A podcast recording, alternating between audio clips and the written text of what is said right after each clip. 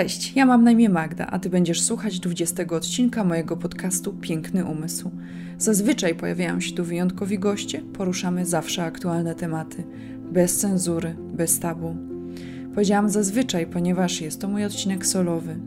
Dzisiejszy temat jest mi wyjątkowo bliski, dlatego też dedykuję ten odcinek podcastu wszystkim tym, którzy są lub mają kogoś bliskiego DDA i DDD. Ten odcinek możesz posłuchać na takich platformach jak Spotify, Apple Podcast oraz YouTube. Zapraszam Cię również na moją stronę internetową magdalenakopenhagen.pl oraz na moje konto na Instagramie, gdzie możesz poznać mnie trochę bliżej. Serdecznie zapraszam do słuchania. Może spotkałeś się ze skrótem DDA, który oznacza syndrom dorosłych dzieci alkoholików, lub DDD, czyli dorosłe dziecko z rodziny dysfunkcyjnej. Dorastanie w rodzinie uzależnionej lub dysfunkcyjnej ma na nas ogromny wpływ, a pełen zakres odczuwa się dopiero w wieku dorosłym. W dzieciństwie rozwijamy pewne cechy osobowości i wzorce relacji, które pomagają nam radzić sobie z rodzicem alkoholikiem lub rodzicem dysfunkcyjnym. Wyobraź sobie, że aż około 5 milionów dorosłych Polaków pochodzi właśnie z takich rodzin. Żyjemy w świecie, gdzie strach, wstyd, poczucie winy i gniew nie znikają. Często cierpimy na drażliwość, stres, przytłoczenie i problemy w związku. Niestety DDA i DDD ma tendencję do wchodzenia w toksyczne relacje. A dlaczego tak właśnie jest, opowiem za chwilę. Wielu z nas jest perfekcjonistami zorientowanymi na cel i odnosi duże sukcesy w pracy, ale w pewnym momencie doznaje wypalenia. Perfekcjonizm może powstać wskutek braku np. uznania, akceptacji, poczucia bezpieczeństwa, miłości, bliskości ze strony naszych bliskich, jak byliśmy mali. Następnie w życiu dorosłym próby zapełniania tych braków e, podejmujemy każdego dnia. Niskie poczucie własnej wartości, skutkujące ciągłym niezadowoleniem z siebie i odbieraniem wszystkiego do siebie personalnie, niekończąca się potrzeba podnoszenia kwalifikacji, bardzo często taki syndrom oszusta, tak zwany imposter syndrome. Niektórzy mają ekstremalne zaburzenia snu, uciążliwe koszmary, w których wracają wspomnienia, traumy z demonami z przeszłości. Niektórzy wciąż wiążą się z uzależnionym partnerem i stają się współuzależnieni lub cierpią na ciężką depresję. A sporo osób samodzielnie sięga po butelkę lub inne używki, ponieważ nie nauczyły się w żaden inny sposób radzić sobie z emocjami, problemami, wyzwaniami. Jedną z cichych zasad w rodzinie alkoholików jest nie mów. Nie rozmawiają ze sobą o alkoholizmie czy innych problemach, a przede wszystkim nie rozmawia się o tym ze światem zewnętrznym. No bo co inni pomyślą? Mroczny rodzinny sekret jest e, zbyt wstydliwy. Jeśli w głębi duszy myślisz, że jesteś niegodny miłości, nie możesz kochać siebie, potajemnie nie pozwalasz, by inni naprawdę cię kochali, to jedna z głównych, ogromnych ran, które nosimy w sobie jako DDD i DDA. Dziecko uczy się, że tylko poprzez konkretne zachowania zasłuży na miłość. E, w najlepszym przypadku ta warunkowa miłość rodzica jest e, przewidywalna. To znaczy, że na przykład jak przynosi dobre oceny lub nie sprawia problemów. Większe problemy zaczynają się, gdy dziecko nie wie, jak rodzic zachowa się w taki, a nie inny sposób, e, bo będzie to zależało na przykład od humoru rodzica, przez co jest cały czas w stanie czuwania i napięcia. Podprogowy przekaz rodzica brzmi: Jeżeli chcesz, żebym cię kochała, kochał, to zachowuj się w taki sposób, w jaki od ciebie oczekuję. Prowadzi to bardzo często do nadmiernego dopasowania się do cudzych pragnień w życiu dorosłym, unikania konfliktów i dążenia za wszelką cenę do harmonii. Pojawia się tutaj również problem z zaufaniem. W dzieciństwie byłaś, byłeś porzucony i zraniony kilka razy, dlatego naturalne jest, że zamykasz swoje serce z powodu samoobrony. Trudno ci ufać ludziom, w tym również sobie. Tak naprawdę nie możesz sobie odpuścić i powstrzymujesz się emocjonalnie. Skutkuje to również niepełnym ujawnieniem swojego prawdziwego ja, przez co twoje relacje wydają się bardziej powierzchowne i nie tak intymne, jakbyś chciał, chciała. Relacje z partnerem lub bliskimi osobami nie są głębokie, mimo związków czujesz się samotny. Kolejnym punktem będzie samokrytyka. Zawsze mówiono ci z zewnątrz, że nie jesteś wystarczająco dobry lub niegodny miłości. Wtedy uważałeś, że coś jest z tobą nie tak i że jesteś również odpowiedzialny za problemy w rodzinie. To wszystko nie jest prawdą, ale zaczynasz w to wierzyć. Masz również trudności z jakimikolwiek zmianami. Rutyny sprawiają, że czujesz się bezpiecznie, a nawyki pomagają czuć się dobrze w codziennym życiu.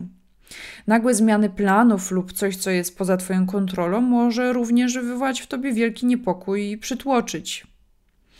To, co jest również charakterystyczne, to masz e, silniejszą niż inni ludzie potrzebę bycia lubianym i akceptowanym przez innych ludzi.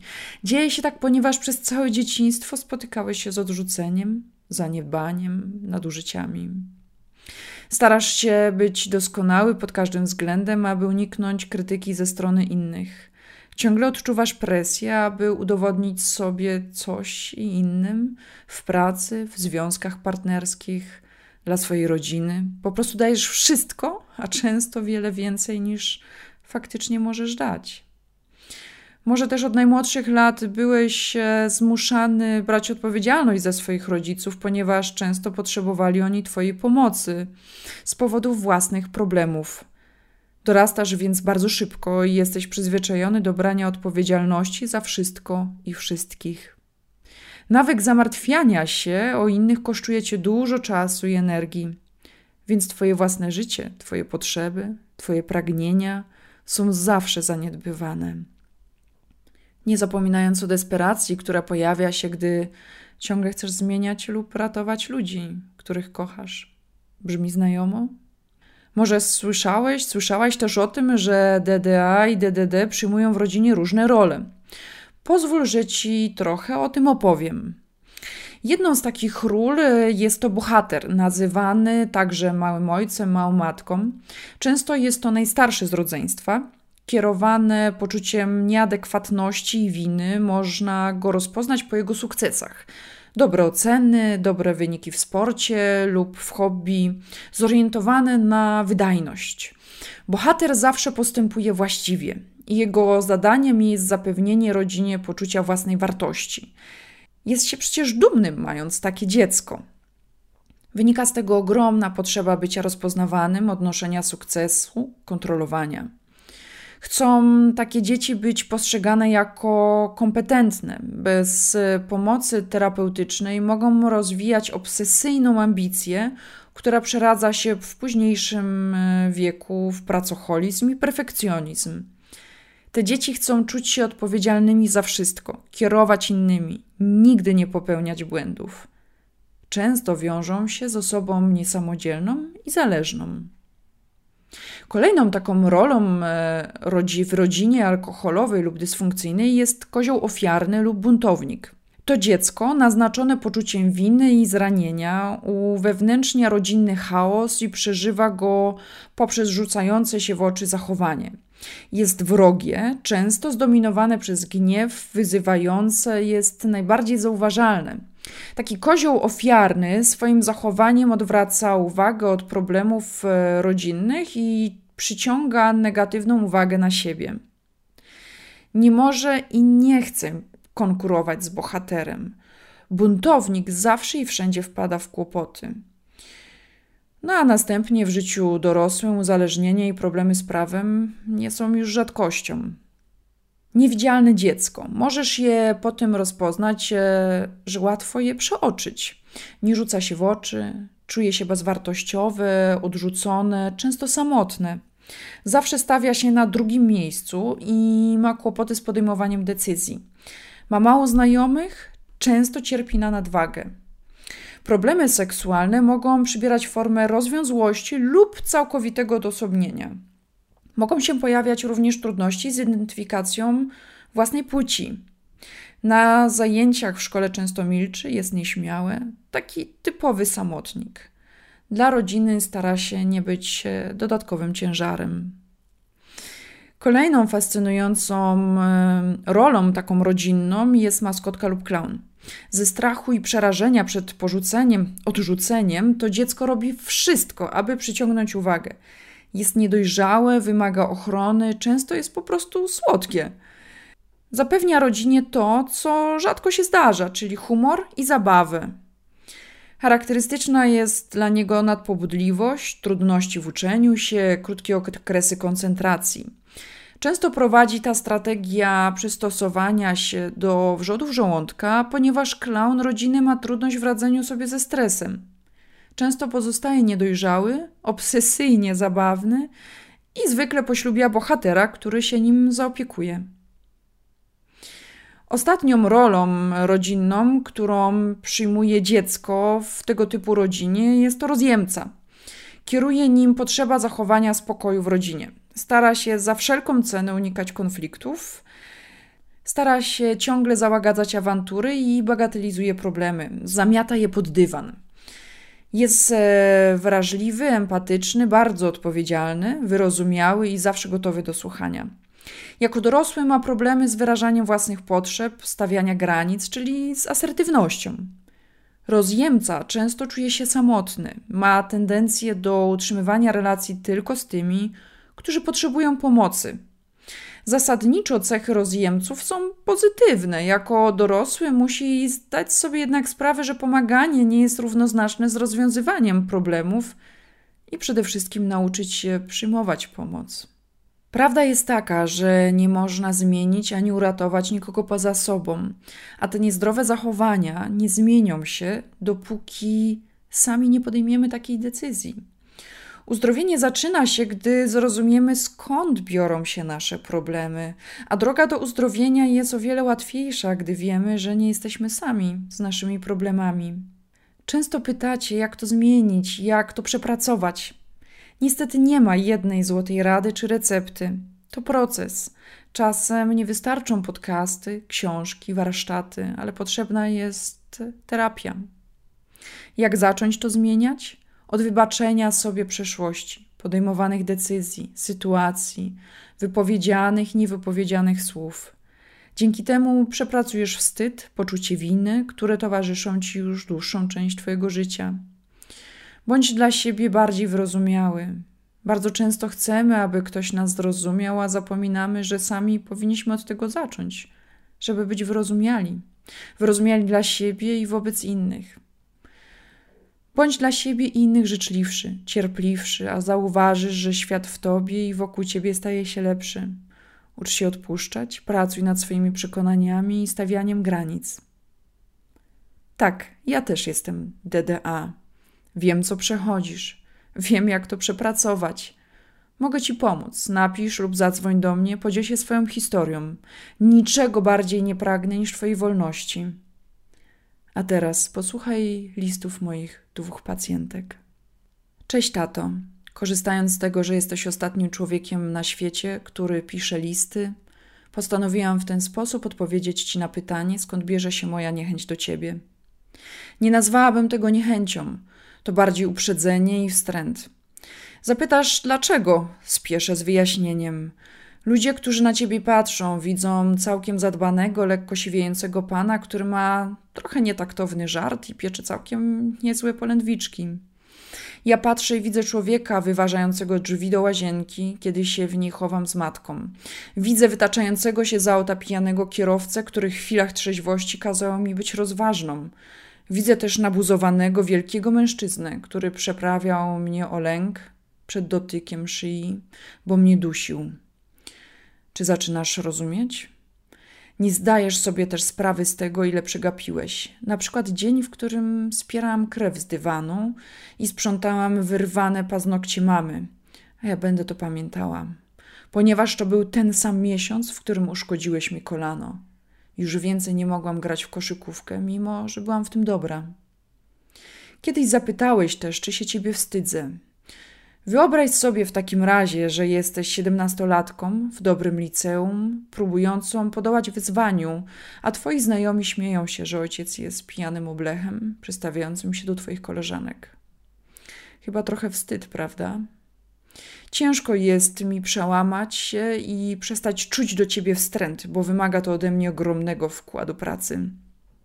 Twoje postępowanie przypłaciłam niską samooceną, depresją i PTSD, zespołem stresu pourazowego, jak mówi moja terapeutka. Ale z drugiej strony, po co wybaczać i naprawiać, skoro masz już swoje ulubione dziecko? Nie chcę przeprosin, bo żadne z nich nie zrekompensują siniaków ukrywanych w szkole, blizny na lewym nadgarstku, mojej nieumiejętności tworzenia relacji, o które walczę codziennie. Wiem też, że nie uświadomię ci skali tej krzywdy, ale miej świadomość, że przez to, co zrobiłeś, znajdowałam się na swoim prywatnym końcu świata niezliczoną ilość razy. List numer dwa. Drodzy rodzice. Niestety nie potrafię powiedzieć, kochani. Mimo, że już osiem lat nie pijecie, mam do was spory żal. Dzieciństwo pamiętam nie jako pełne troski, tylko pełne kłótni, przemocy, alkoholu. Mamo, do ciebie mam spory żal, że nie reagowałaś na wyzwiska ojca w moim kierunku. Pamiętam nieraz, jak chciałam się do ciebie przytulić. Ty mnie odpychałaś. Pamiętam moje problemy w szkole ze skupieniem się i zachowaniem. Wszyscy widzieli we mnie problem, ani w domu. Ale moje zachowanie było spowodowane tym, co się działo w domu. Pamiętasz, jak budziłaś mnie w nocy, gdy tato dostawał padaczki alkoholowej? Pamiętasz, jak musiałam przychodzić do ciebie na działkę i do twoich znajomych, bo nie byłaś w stanie przez upojenie alkoholem dojść do domu? Pamiętasz, jak groziłaś że sobie coś zrobisz? Pamiętasz, jak musieliśmy uciekać z domu przed ojcem? Wiele tych wydarzeń odbija się w życiu dorosłym. Chcę po prostu, abyś wiedziała i miała tego świadomość, jaką ja teraz toczę walkę o swoje zdrowie psychiczne. Tato, do ciebie silny żal, mimo że nie pijesz, nadal się ciebie boję. Obraz ciebie mam tylko jako krytycznego, agresywnego pijącego. Nie pamiętam, kiedy ostatni raz powiedziałeś do mnie po imieniu. Pamiętam tylko, jak mnie wołałeś gruba, bo byłam otyła. Dokuczałeś, dołowałeś zamiast wspierać. O przemocy nie wspomnę, bo zbyt, to zbyt trudny temat, ale było jej sporo. Szczególnie jak byłeś w ciągu alkoholowym. Mama musiała często pisać zwolnienia z WF-u, by nikt nie zobaczył siniaków. Wyzywałeś mnie od tumana, bo miałam problemy w szkole. A jak dziecko ma się skupić na nauce, jak w domu wiecznie, wieczne kłótnie, a ty leżałeś i piłeś i nas biłeś. Bałam się, że stracisz przez picie pracę. Bałam się, gdy brałeś kolejne pożyczki, które przepijałeś. Bałam się, że przez twojej mamy długi stracimy dach nad głową. Pamiętam pukanie do drzwi komórników, chodzenie po mieszkaniu na palcach. Pamiętam, jak ty leżałeś, majaczyłeś po alkoholu, a ja przeganiałam opiekunkę społeczną i kuratora, bo nie chciałam, aby w takim stanie ktoś cię zobaczył. Bałam się, że trafię do domu dziecka. Pamiętasz, jak nie mieliśmy co jeść? Ja pamiętam. Byłam zbyt lojalna wobec was, rodziców. Wstydziłam się i bałam się prosić o pomoc. Dlatego mówię teraz do każdego z was, który słucha: przestań się bać, zacznij prosić o pomoc. Do usłyszenia.